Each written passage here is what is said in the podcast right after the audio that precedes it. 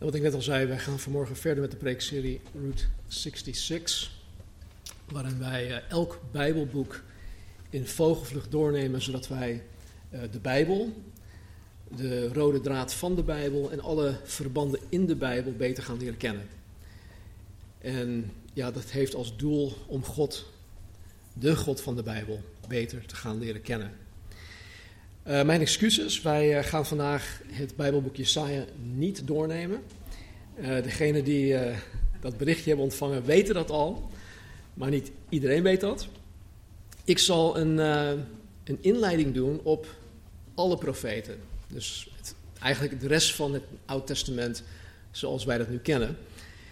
En um, ja, vandaag zal meer op een, een, een bijbelschoolles uh, lijken dan een preek, dat, uh, ja, zoals jullie dat gewend zijn.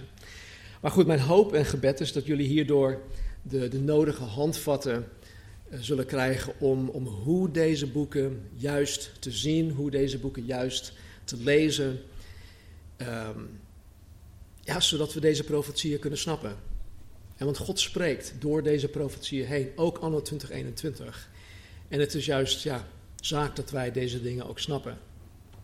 Ik hoop ook dat jullie hierdoor of na vanmorgen meer honger naar de profeten zullen krijgen. Om geprikkeld te worden, om getriggerd te worden om de profeten te gaan lezen. En je moet deze inleiding ook zien als een soort uh, aperitief. He, het hoort je, je eetlust voor het woord uh, een beetje op te wekken.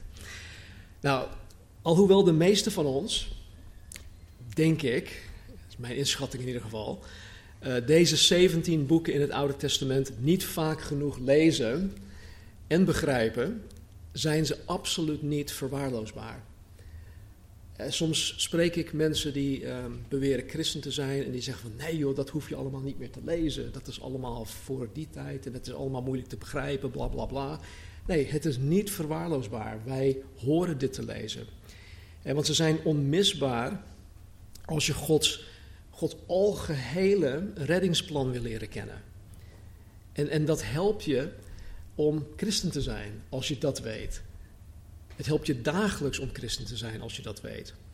Dus Gods reddingsplan van Genesis hoofdstuk 3, helemaal tot aan openbaring 22. Dat bevat Gods reddingsplan. En de profeten spelen daar een cruciale rol in. En kijk, het doel hiervan is niet om, om kennis te vergaren, om kennis te vergaren. En maar juist om je zekerheid te geven over je geloofsleven. Juist om je zekerheid te geven over je persoonlijke relatie met God. En vooral ook hoe jij en ik deze, of in deze moeilijke en turbulente tijden waarin we leven, uh, te laveren naar Gods wil. Ik denk dat een van de grootste vragen die wij als christenen nu hebben is: hoe moeten wij hiermee omgaan? Hoe moeten wij daarmee omgaan? Weet je, en, Gods woord helpt ons daarbij. Persoonlijk geloof ik dat de wereldsituatie niet beter gaat worden ten aanzien van ons gemak. Dat sowieso. Uh, ook niet ten aanzien van ons levensgenot. Ik geloof zelfs dat het voor wedergeboren christenen, hier, ook hier in het Westen, steeds moeilijker zal worden. Vooral ook om openlijk christen te zijn.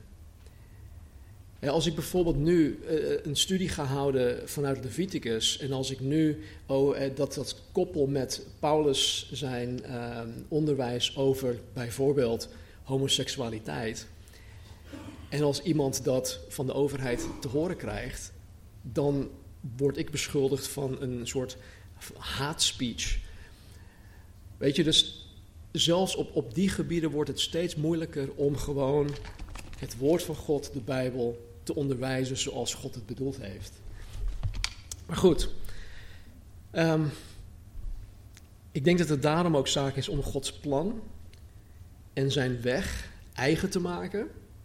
Het, staat er, wij kunnen het bij God ook afbidden, maar we moeten er ook iets voor doen. Dus uh, het vereist van ons inzet en inspanning. En we moeten het eigen maken, zodat we niet in, in angst en onzekerheid hoeven te leven. Vooral nu niet. En maar dat wij juist in de volledige zekerheid um, leven waarin wij geloven, waarin wij ook die zekerheid hebben dat alles gaat zoals God het heeft verordend. Voor de grondlegging van de wereld heeft God al deze dingen verordend. Laten we de eerste 23 Bijbelboeken samen opnoemen. Want Jesaja is de 23ste. We kunnen ook alle profeten, de kleine profeten opnoemen, als jullie dat willen. Om het spannend te maken. Nee? Oké, daar, komen we, daar komen we later op terug. Dus laten we beginnen met Genesis, Exodus, Leviticus, Numeri, Deuteronomium, Jozua, Richteren, Rut, 1 Samuel, 2 Samuel, 1 Koningen, 2 Koningen, 1 Kronieken, 2 Kronieken, Ezra, Nehemia, Esther, Job, Psalmen, Spreuken, Prediker, Hooglied, Jesaja, Jeremia, Klaagliederen, Ezekiel, Daniel. Oké, uh, we houden het daarbij. Nou, de profetische boeken zijn, het zijn er 17. Die zijn opgedeeld in de grote profeten en de kleine profeten. Ik behoor tot de kleine profeten. Nee, een grapje. Um, opgedeeld in grote profeten, kleine profeten. We zullen dat ook zien. Dit zijn de grote profeten, Jesaja, Jeremia, Ezekiel en Daniel. Uh, klaagliederen is geen ja, profeet. Het is wel door de profeet Jeremia geschreven. En de kleine profeten, dat zijn Hosea, Joel, nou, die lijst. Um, en kijk, de, benoeming uh, grote en kleine profeten, dat heeft puur te maken met um, de hoeveelheid woorden die in de boeken staan. En Jesaja bestaat bijvoorbeeld uit 66 hoofdstukken. Er zitten heel veel woorden in. Obadja bestaat uit één hoofdstuk. Er staan enkele versen in.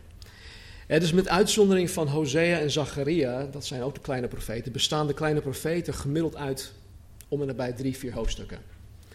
Het is dus niet zo dat de grote profeten een, een meer belangrijke rol spelen dan de kleine.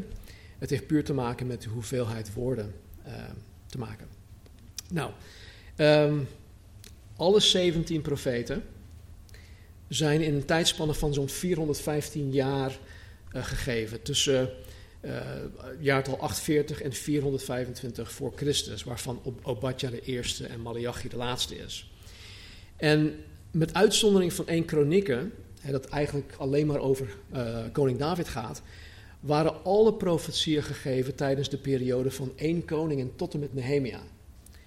Het Bijbelboek Esther, of wat erin afspeelde, vond chronologisch gezien plaats tussen Ezra hoofdstuk 6 en 7 in. Dus alhoewel Esther in onze Bijbels um, na Nehemia komt, vond Esther chronologisch plaats voor Nehemia. Vandaar dat ik Nehemia uh, aanduid als het einde van de geschiedenis van Israël uh, in het Oude Testament. Nou, in.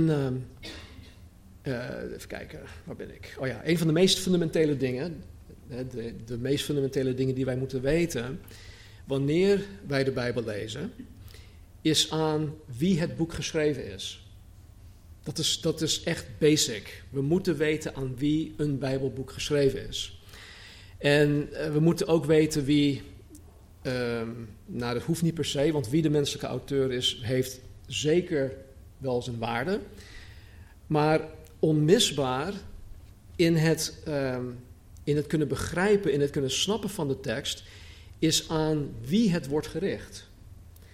Uh, wanneer het zich afspeelde, onder welke omstandigheden. En dit is vooral onmisbaar bij het lezen van de profeten. Als je dit niet doet, als je dit niet weet, dan, dan, dan, dan ga je er helemaal niks van snappen.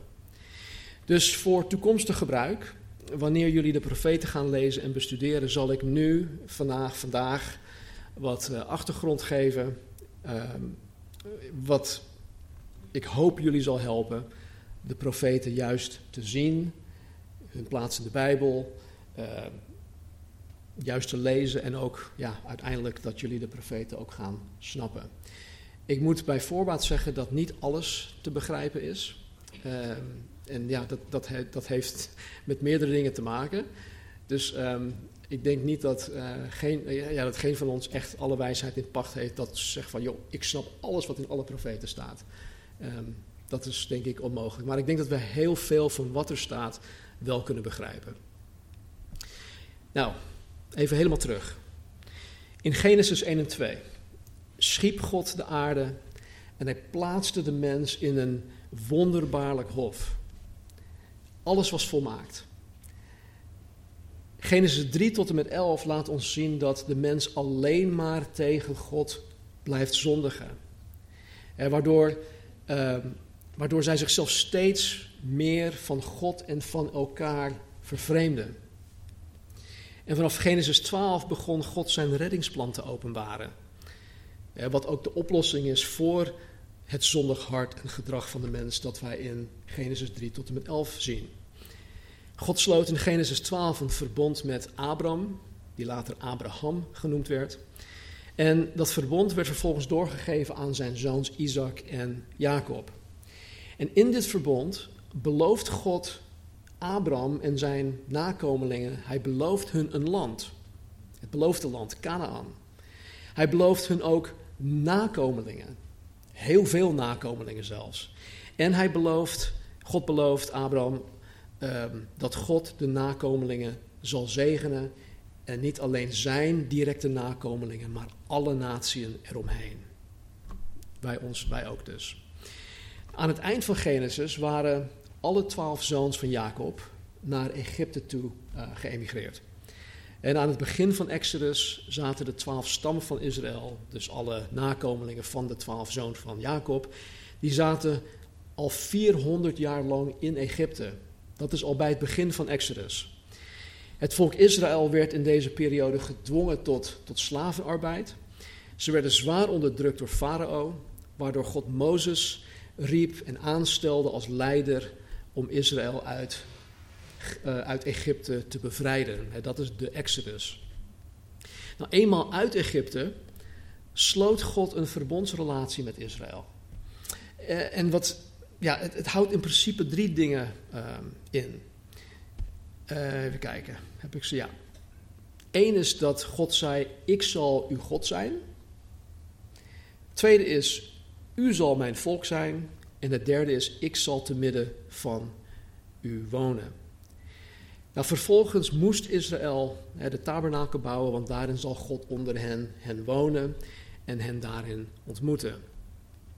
Vervolgens, Leviticus leerde Israël hoe zij God hoorden te benaderen. Hoe zij God hoorden te aanbidden.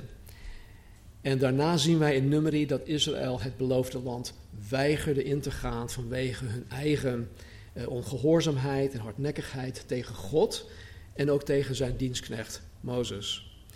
En nadat deze rebelse generatie ehm, 40 jaar lang in de woestijn ronddoolde en nadat zij dus in de woestijn overleden, overleden, bracht God de nieuwe generatie opnieuw naar de grens van het beloofde land.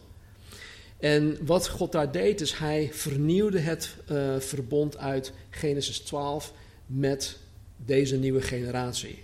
En hij bevestigt dat dan ook in het Bijbelboek Deuteronomium.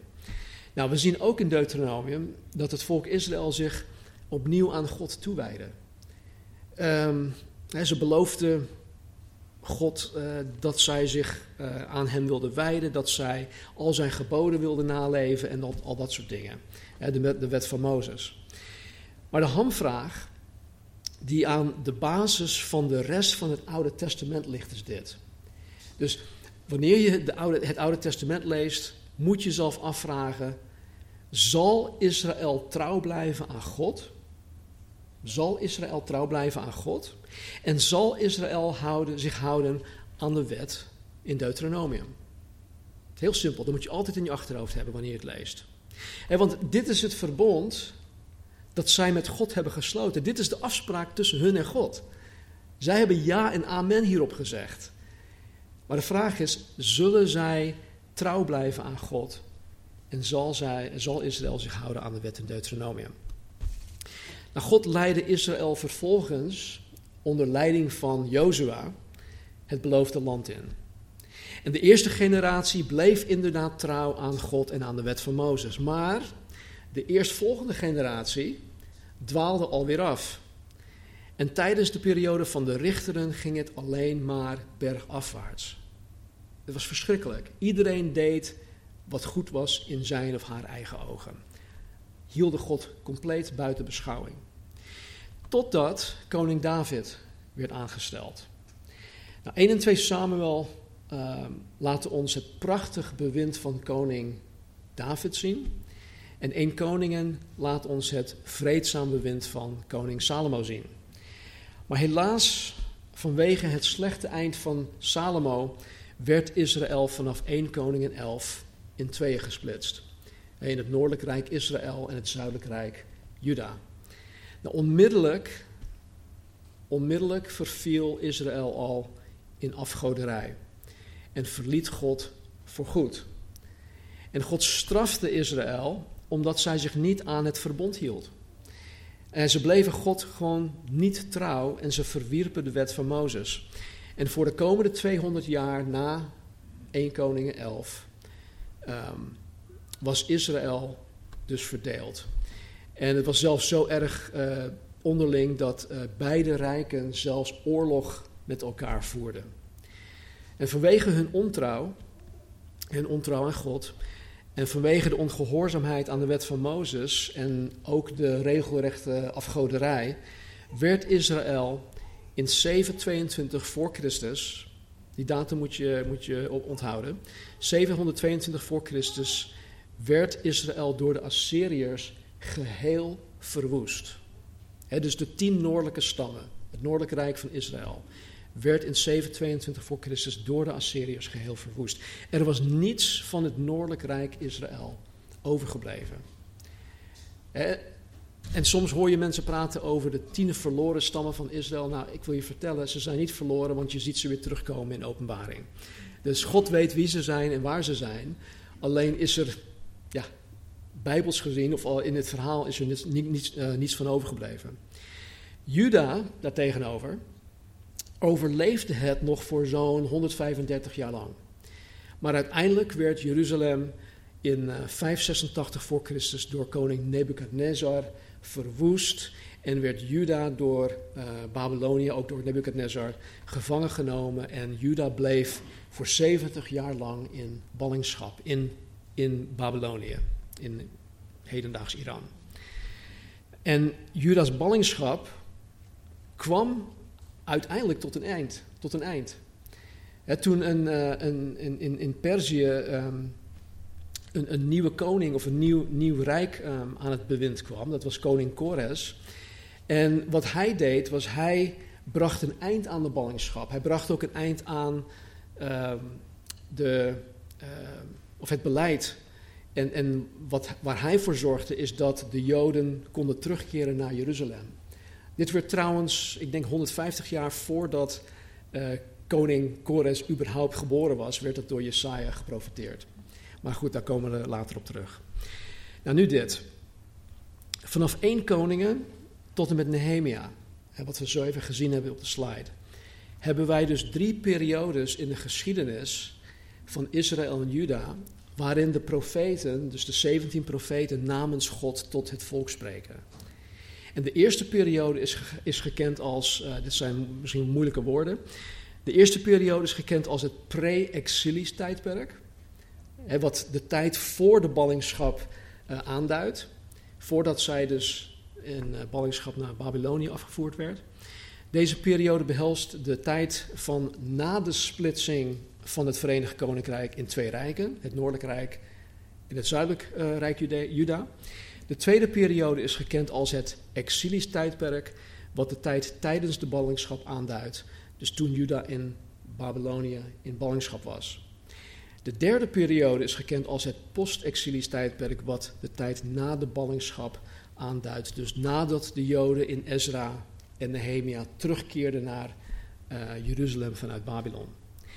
Nou, de reden waarom ik deze geschiedenis aanhaal, is omdat verschillende profeten tijdens de drie verschillende tijdperken hebben geprofiteerd. En wat ik zo even al zei, het is belangrijk om te weten aan wie deze dingen geschreven zijn. Het is belangrijk om te weten wie wanneer profiteerde, ook aan wie en onder welke omstandigheden. Dus wederom voor toekomstig gebruik, voor jullie eigen gebruik, wanneer jullie zelf de profeten gaan lezen. Dit zijn dan de profeten die in de drie verschillende tijdperken hebben geprofiteerd. Ik heb een hele drukke slide voor jullie gemaakt. Um, zoals je kan zien hebben de meeste profeten voor de ballingschap geprofiteerd. En dit was voornamelijk om de koningen en het volk voor Gods oordeel te waarschuwen en om hen op te roepen tot bekering. Je, je ziet dat ehm, heel vaak dat ze echt het volk uh, smeekte om zich te bekeren van hun, ja, hun kwade wegen.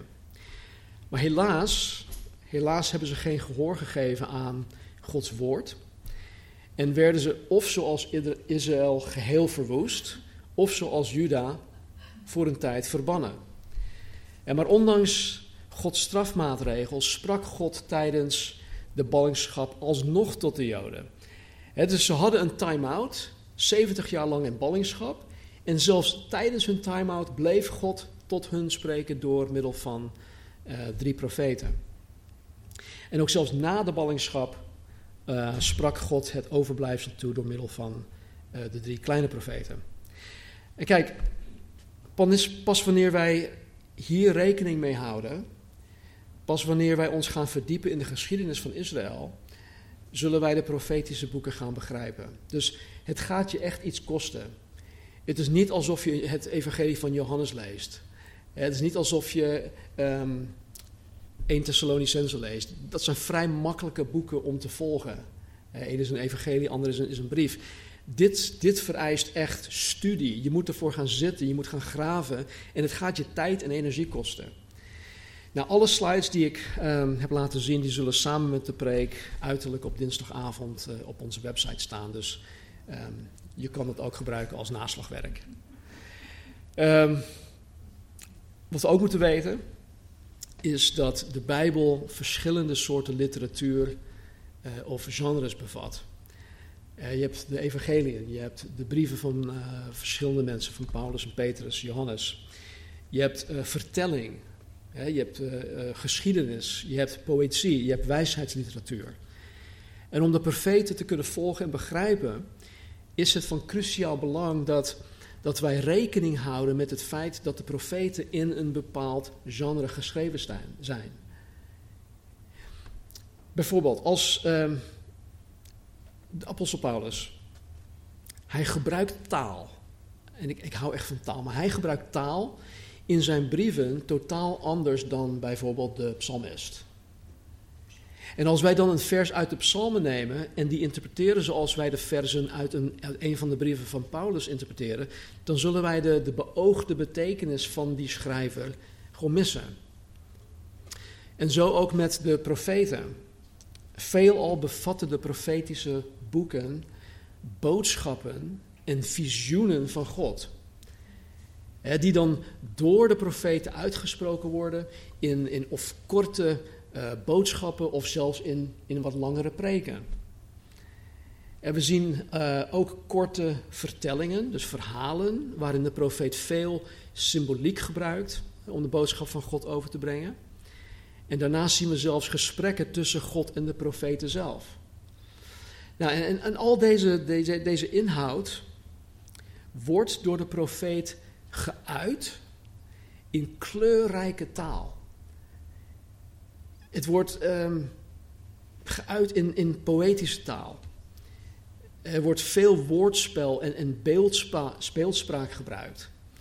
En, dit ma en juist dit maakt het juist voor ons um, niet makkelijker om te begrijpen. Want wij, um, ja, heel veel van wat er, wat in het Hebreeuws staat, dat is niet te vertalen in het Nederlands of in het Engels of welke andere taal dan ook. dus wat ook goed is om te weten, is dat de profeten door middel van hun gebruik van poëzie en beeldspraak vooral de menselijke emoties willen aanspreken. Uh, Paulus is iemand die heel intelligent is, die is heel logisch in zijn beredeneringen en hij legt dit naast elkaar. Johannes bijvoorbeeld in uh, zijn eerste brief, 1 Johannes, die, die is heel zwart-wit. Hij, hij gebruikt contrasten. En dat is denk ik voor, voor wij Westerlingen is dat makkelijker te volgen dan wat de profeten schrijven. En bijvoorbeeld dit, de profeet Amos. Hij zegt niet gewoon dat God boos is. Wij kunnen zeggen, God is boos. Nee, hij zegt, de leeuw heeft gebruld. De leeuw heeft gebruld. Oké, oké. Dus we moeten dat, uh, daar rekening mee houden. Dat, dat wat Amos hiermee bedoelt, is dat God gewoon boos is. Jezaja bijvoorbeeld zegt ook niet filosofisch dat zonde fout is en dat vergeving van zonde geweldig is. Nee, hij schrijft, al waren uw zonden als scharlaken, ze zullen worden wit als sneeuw. Al waren ze rood als karmozijn, ze zullen worden als witte wol. Dat is beeldspraak. Het komt, het komt, het, het komt op hetzelfde neer, maar het is zo rijk, het is zo kleurrijk hoe dat geuit wordt door de profeten. Jeremia schrijft over Gods verdriet over Juda en over haar valse profeten. En wat schrijft Jeremia over God? Tranen stromen uit mijn ogen naar beneden, nacht en dag zonder ophouden. Zo verdrietig is God over Juda. Zo verdrietig is God over het feit dat Juda valse profeten aanhangt. Tranen stromen uit mijn ogen naar beneden, nacht en dag zonder ophouden. Dit heeft te maken met iets dat heet, um, ik heb het niet opgeschreven, um, antropomorfisme. Zeg ik dat goed? Geen idee. anyway, waar, het mee te maken heeft, is dat, dat wij menselijke um, karaktereigenschappen en functies uh, toekennen aan God. Wij weten niet of God überhaupt kan huilen. We weten niet of God handen en armen en, en, benen heeft, of ogen, dat soort dingen. Dus door middel van dit soort taalgebruik, antropomorfisme, um, gebruikt Jeremia in dit geval deze woorden. Tranen stromen uit mijn ogen naar beneden, nacht en dag zonder ophouden. Jesaja gebruikt onder andere ook iets dat personificatie heet. Dat heb ik wel opgeschreven. Waarin een menselijk eigenschap of functie uh, toegekend wordt aan een niet-menselijk entiteit. Uh, hij doet bijvoorbeeld beroep op hemel en aarde om getuige te zijn van Israëls ontrouw. Hij doet beroep op hemel en aarde om getuige te zijn van Israëls ontrouw. En die schrijft, dan schrijft hij dit. Luister hemel, neem ter oren aarde.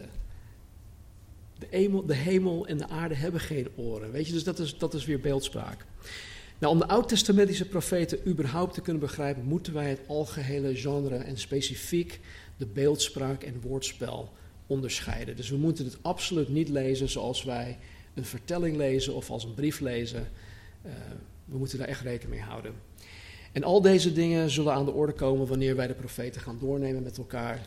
En ik zal dan terugverwijzen naar dit soort zaken. Even kijken. Um, ja, waar we ook uh, van bewust moeten zijn, is dat de boodschap van de profeten niet gegeven werd in een vacuüm. De historische context waar ik het zo even over had, is onlosmakelijk verbonden aan hun boodschap. En doordat Israël God de rug toegekeerd had, zijn verbond met hen compleet hebben geschonden, was Israël niet alleen intern verdeeld in tweeën, noordelijk en, en zuidelijk rijk. Zij werden van buitenaf ook nog eens door heidense supermachten onderdrukt. Er was in, in de tijd van de profeten continu strijd met deze heidense supermachten. En ze, ze stonden continu onder bedreiging van bezetting en van verwoesting. En ondanks dat zowel Israël als ook, als ook Juda bondgenoten zochten, kregen ze geen, uh, geen, uh, ja, totaal geen hulp. Uh, even kijken, ik heb nog een drukke slide. Het merendeel van de profeten brachten hun boodschap aan Israël en aan Juda onder bedreiging van, van een invasie van een van deze drie supermachten. De Assyriërs, de Babyloniërs of de Perziërs. En Israël en Juda ondervonden in deze periode de toorn van God. Zij kregen in deze tijd, of zij ondervonden in deze tijd, de straf van God, waar, um, waarvoor God hen in onder andere Deuteronomium had gewaarschuwd. En weet je, soms denken wij, anno 2021, dat de bediening moeilijk is als je bijvoorbeeld een, een, een, nieuwe gemeente start, dan begin je met een klein groepje mensen. En, oh, wat is dat zo moeilijk? Oh, wat is dat zo moeilijk? Het is moeilijk, ik moet toegeven, het is moeilijk.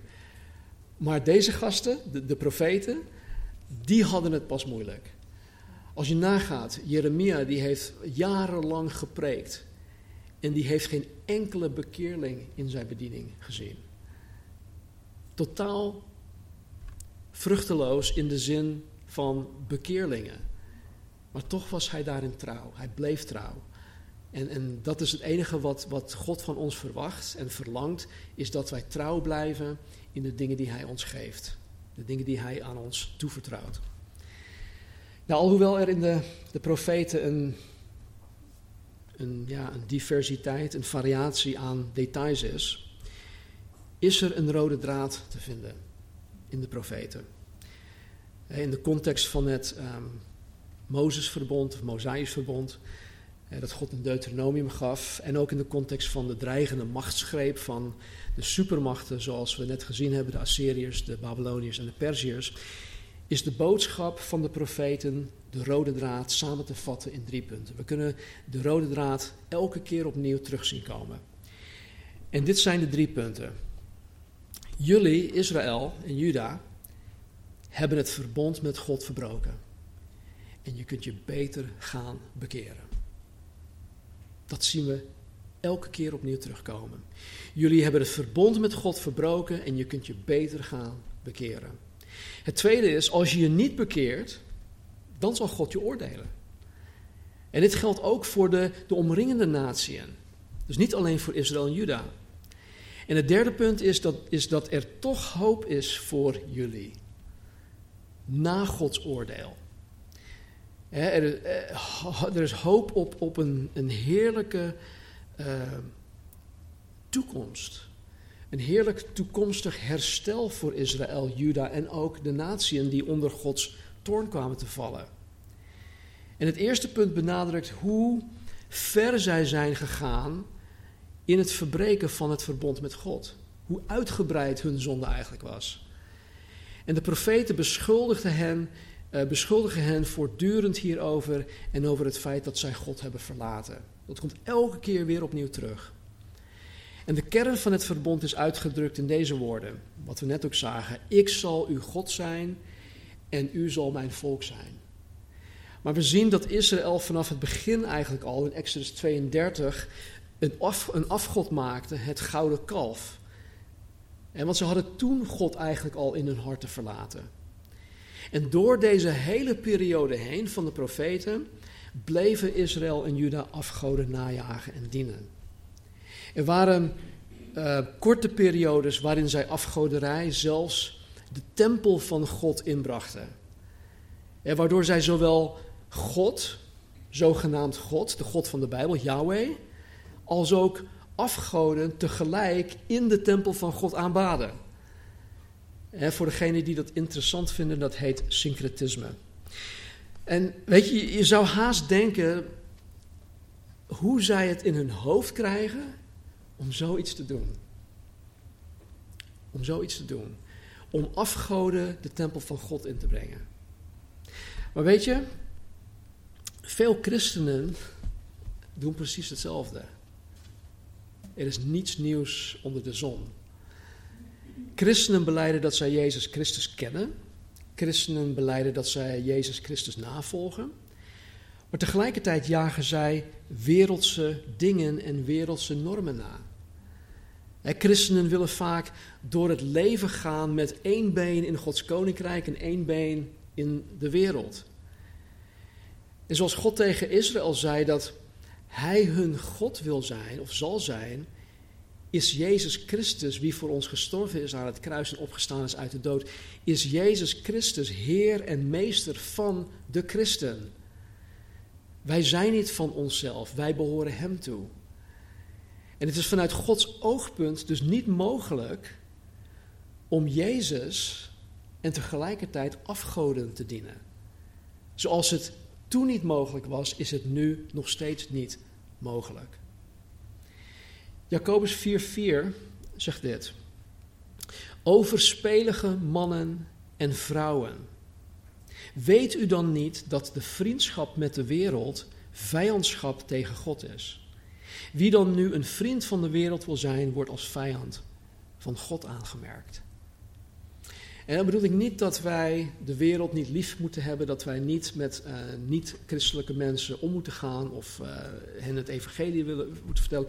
Nee, wij moeten het evangelie uitdragen door ons leven heen, door de dingen die wij zeggen en doen, ons doen en laten vooral. Maar wat hij hier zegt is dat God ziet vriendschap met de wereld als vijandschap tegen God.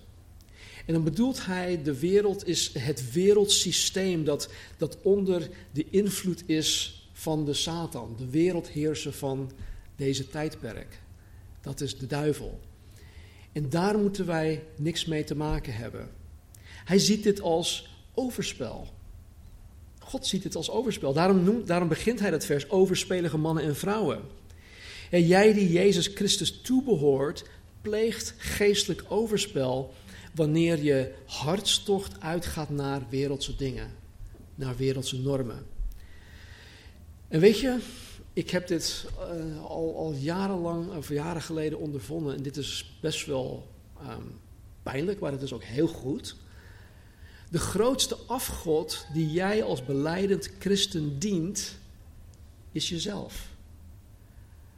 De grootste afgod die ik als christen dien, is mezelf. Elke keer wanneer je je eigen wil najaagt, elke keer wanneer jij God en zijn wil en weg niet op de eerste plaats hebt staan, dan plaats jij jezelf boven God. En dan maak je jezelf schuldig aan het schenden van het eerste gebod. Het eerste gebod is wat? U zult geen andere goden voor mijn aangezicht hebben.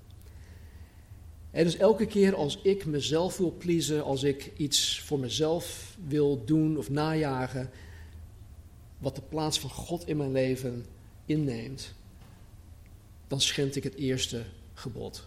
U zult geen afgoden voor mijn aangezicht hebben. En dit is waar Israël en Juda door God voor geoordeeld werden. Nou, het tweede punt dat de profeten continu op bleven hameren was dat als Israël en Juda zich niet bekeerden, zij onder Gods oordeel zouden komen. Wanneer jullie de profeten lezen, lees dan tegelijkertijd ook Deuteronomium. Want de waarschuwingen die God Israël in Deuteronomium gaf, gaf God ook door middel van zijn profeten. Eh, ze zijn gelijk. En helaas hebben Israël en Juda geen gehoor gegeven aan de pleidooien van de profeten om zich te bekeren. En het gevolg daarvan was dat God hen moest oordelen. Hij hield zich aan zijn verbond. En zijn verbond was: als je dit doet, dan krijg je dat. En als je dat doet, dan krijg je dit. En hij hield zich aan zijn kant van het verbond. Door hen te oordelen. En Gods oordeel uitte zich in de verwoesting van het noordelijk rijk Israël. Ja, wat ik net al zei, waar niets van overgebleven was.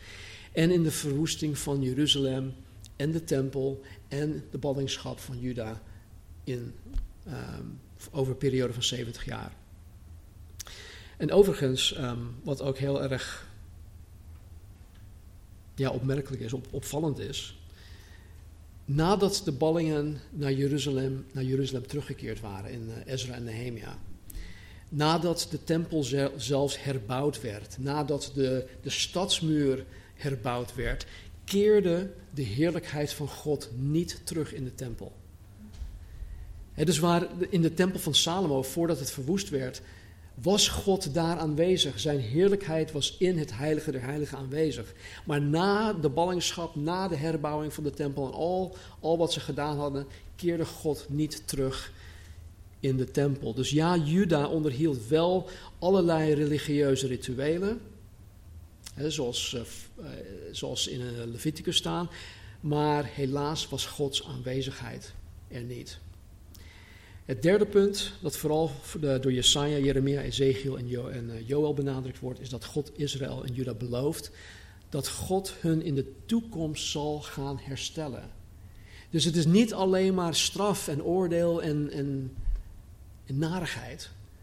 God belooft ook dat God hen in de toekomst zal herstellen. En dan niet een herstel van het status quo, maar een geheel nieuwe toekomst. De profeten spreken over een nieuwe Exodus. En ze spreken over een nieuw verbond. En een vernieuwde aanwezigheid van Gods geest die in alle mensen zal wonen in plaats van alleen in dat klein hokje in het heilige der heiligen.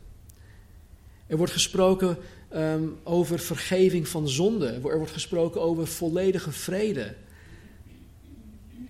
En dit moet ons bekend voorkomen. Dit zijn allemaal dingen die wij in Jezus Christus hebben. De profeten spreken over de eerste komst van Jezus, dat 2000 jaar geleden gebeurde. En de profeten spreken over de wederkomst van Jezus, uh, dat nog toekomstig is. Ze spreken ook over het duizendjarig vrederijk, het millennium. En Ezekiel spreekt zelfs over het nieuwe Jeruzalem dat wij in Openbaring 21 en 22 zien. En tot slot, profetie, zoals wij het in de 17 profetische boeken zien, de 17 profeten, uh, die profetie bestaat uit twee vormen van spreken namens God. Het bestaat uit twee vormen van spreken namens God. Eén is het toespreken, het aanspreken, en het ander is voorspellend. En het merendeel van de profetieën bestaat uit toespraken van God aan de mensen door middel van de profeten. Met andere woorden, de profeten spreken de mensen toe en ze spreken de mensen aan en ze doen dat namens God. Het is alsof God door middel van de profeten tot de mensen zelf spreekt. En dit zien wij vooral in de waarschuwingen, we zien het ook in de oproepen tot bekering. Ze spreken het woord van God tot de mensen in de toen huidige situaties en omstandigheden. Dat was voor toen, dat was voor hun. En eigenlijk wat een Bijbelleraar doet, eh, alleen wanneer hij de Bijbel verklarend predikt, als u weten wat dat is, dan kan ik het later uitleggen. Eh, wat de Bijbelleraar doet is eigenlijk gelijk aan deze vorm van profeteren. Het toespreken van mensen, het aanspreken van mensen. Want hij spreekt namens God de mensen toe en aan in de huidige omstandigheden, in het hier en nu. En dit is tevens gelijk aan de gave van profetie uit 1 Korinthe 12. Maar de profeten spreken niet alleen de mensen aan en toe, ze spreken ook namens God in de vorm van voorspellingen. Dat ze dingen in de toekomst voorspellen. En dan bedoel ik niet die, die idiote voorspellingen die je in uh, de roddelbladen ziet of ziet of uh, op social media. Maar juist datgene dat God vooraf heeft vastgesteld. Wat God vooraf heeft bepaald. En we zullen bijvoorbeeld in Jesaja veel voorspellingen zien over zowel de eerste komst van Jezus Christus als ook zijn wederkomst. We zullen ook um, bijvoorbeeld in Jesaja zien dat er vier hoofdstukken zijn gewijd aan, um, aan eindtijdzaken, apocalyptische zaken. Het einde van de wereld zoals, zoals wij dat, dat, dat kennen, sorry. En het is vooral dit voorspellend karakter van de Bijbel dat de Bijbel uniek maakt. Er zijn honderden religieuze boeken die nu bestaan. Honderden. Ik, ik, ik weet niet precies het aantal, maar het, het was meer dan 120, dacht ik, uit mijn hoofd. En de Bijbel is het enige boek dat met 100% nauwkeurigheid de toekomst voorspelt. Dat maakt de Bijbel uniek. En dus als je het met iemand wil hebben over de Bijbel en, en, en, ze geloven niet in de Bijbel en ze zeggen dat de Bijbel allerlei fouten bevat en dat soort dingen. Nou, als je eenmaal daar doorheen bent gekomen, kan je ook aangeven waarom de Bijbel zo uniek is. En het, en het gaat om het feit dat de Bijbel de toekomst voorspelt. En alle profetieën die al vervuld moesten zijn, zijn inderdaad met 100% nauwkeurigheid vervuld. En weet je, dit, dit geeft mij in ieder geval, ik hoop dat het jullie ook helpt, dit geeft mij een, een vaste hoop. Het geeft mij ook volledig vertrouwen op God dat de profetieën die, die nu dan nog vervuld moeten worden, daadwerkelijk vervuld gaan worden. En jullie kennen allemaal wel uh, de fine print uh, over beleggingen en dat soort dingen. De resultaten van het verleden die bieden geen garantie voor de toekomst. Nou, de profetieën van het verleden bieden zeker garantie voor onze toekomst. Gegarandeerd. Laten we bidden. Heere God, dank u wel dat u um, ons de 17 profetische boeken in het Oude Testament hebt gegeven.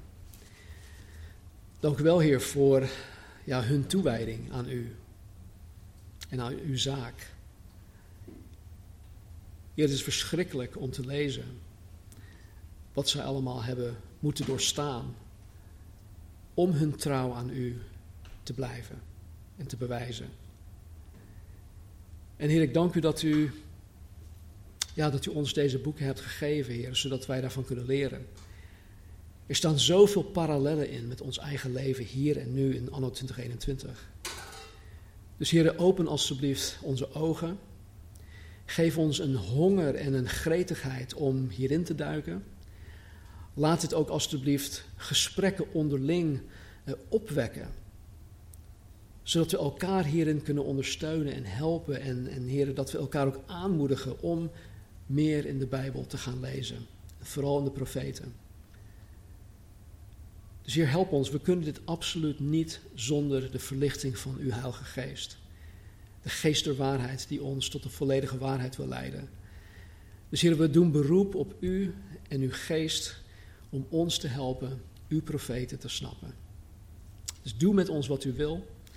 Help ons, open onze ogen, open onze harten.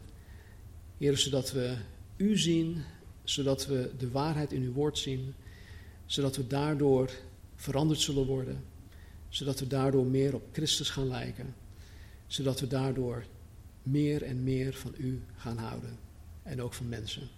Dat vragen we in Jezus' naam. Amen. Um, we afsluiten met um, een paar schriftgedeelten. 1 uit 2 Petrus, 1 uit 1 Petrus. 2 Petrus 1, 19 tot op 21. Ik heb het niet voor op de slide, maar er staat... En wij hebben het profetische woord dat vast en zeker is. En u doet er goed aan daarop acht te slaan, als op een lamp die schijnt in een duistere plaats totdat de dag aanbreekt en de morgenster opgaat in uw hart. Dit moet u allereerst weten dat geen enkele profetie van de schrift een eigenmachtige uitleg toelaat. Wat betekent dat de profeten het niet hebben verzonnen. Ze hebben het van de Heilige Geest gekregen. Het werd geïnspireerd. Want de profetie is destijds niet voortgebracht door de wil van een mens, maar heilige mensen van God, door de Heilige Geest gedreven hebben gesproken. Peter spreekt hier over deze 17 profeten. En hij moedigt de, nieuw, eh, de Nieuw-testamentische kerk aan om daarop acht te slaan. Dus ik zie er naar uit, wanneer ik uh, over een paar weken weer mag voorgaan, dan gaan we wel met uh, Jesaja verder. En um, ja, dan zullen we hopelijk een aantal rijkdommen zien van wat er in, uh, wat, in, wat er in Jesaja staat. En tot slot dit. De God nu van alle genade, die ons geroepen heeft tot zijn eeuwige heerlijkheid in Christus Jezus. Hij zelf mogen u, na een korte tijd van lijden, toerusten, bevestigen, versterken en funderen. Hem zij de heerlijkheid en de kracht in alle eeuwigheid. Amen. God zegen jullie. Na het uh, slotlid uh, zou ik zeggen, um, blijf voor de koffie. Is er koffie buiten of niet? Ja? Uh, New City Coffee, dat wordt gedaan door André en Holly. Die zullen ons verwennen met lekkere koffie buiten. als je thee wil, moet je volgens mij binnen blijven of dat moet je binnen halen. Maar blijf alsjeblieft voor de fellowship. Oh, jullie hebben ook thee? Nou, goed, ik hoor net dat ze ook thee hebben, dus dat mag ook buiten. Buiten is het gratis, hier binnen moeten we ervoor betalen. niet, niet, niet jullie, maar, maar wij. En uh, nee, maar goed, blijf. En, en probeer vandaag met iemand te spreken, te praten waarmee je nog nooit eerder hebt gesproken. Dus God zegen jullie. En een gezegende week toegewenst. En als er vragen zijn, dan, uh, dan hoor ik het graag. Amen.